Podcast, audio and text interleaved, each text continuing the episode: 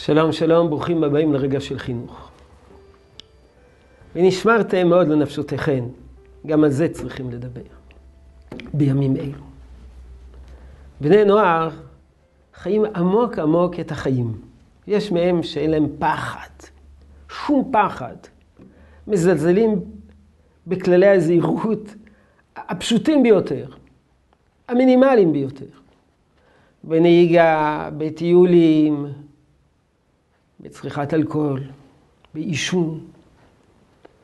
הסכנות לא, פשוט לא, לא מעניינות אותם, הם, הם, לא, הם, הם לא רואים את הסכנות. הם מתעלמים מהן. למה? מפני שבני נוער כל כך דבוקים לחיים, כל כך חיים במלוא, במלוא כוחותיהם, שהם לא מסוגלים לחשוב שאפשר להיפרד מהחיים. הם נושמים את החיים כל כך, שבכלל לא מסוגלים להבין שהחיים האלה הם בטוחים, אבל לא במאה אחוז.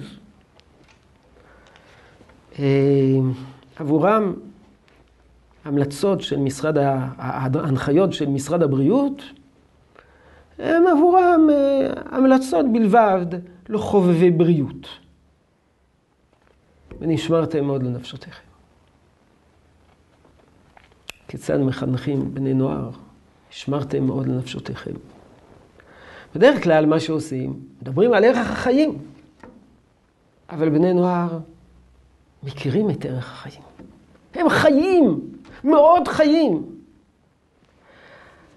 אבל הם אינם, הם אינם מבינים שהערכת החיים, הכרת ערך החיים, גם מחייבת לשמור על החיים. לא די בכך שאתה תתמכר לחיים. לא די בכך שאתה תחיה במאה אחוז חיים. אלא גם תשמור עליהם. תגלה אחריות כלפי החיים. זה מה שהקדוש ברוך הוא דורש ממך. הקדוש ברוך הוא נתן לך חיים, שמור על החיים האלו. זה הדבר הראשון. והדבר השני, הכרת המציאות. דיברנו לפני כן, באחת מהתוכניות הקודמות, על הכרת המציאות כדי לפזר את ענני הדמיון. אבל לפעמים יש גם ענני דמיון הפוכים, ענני דמיון של זלזול. הקורונה היא דוגמה מאוד מאוד יפה בשביל ללמד על הכרת המציאות. מדינות שזלזלו בנגיף, במגיפה, מספר המתים בהם גבוה מאוד. מדינות שלא זלזלו בנגיף ולא הסתכנו, מספר המתים איננו גדול. הזלזול עולה בחיי אדם, ואפשר להראות את זה. דווקא יש לנו דוגמאות ממדינות אחרות. נשמרתם מאוד לנפשותיכם.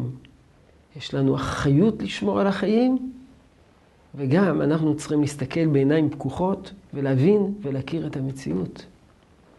זלזול עולה בחיי אדם. יהי רצון שתשרה ברכה בעבודתנו החינוכית. שלום שלום.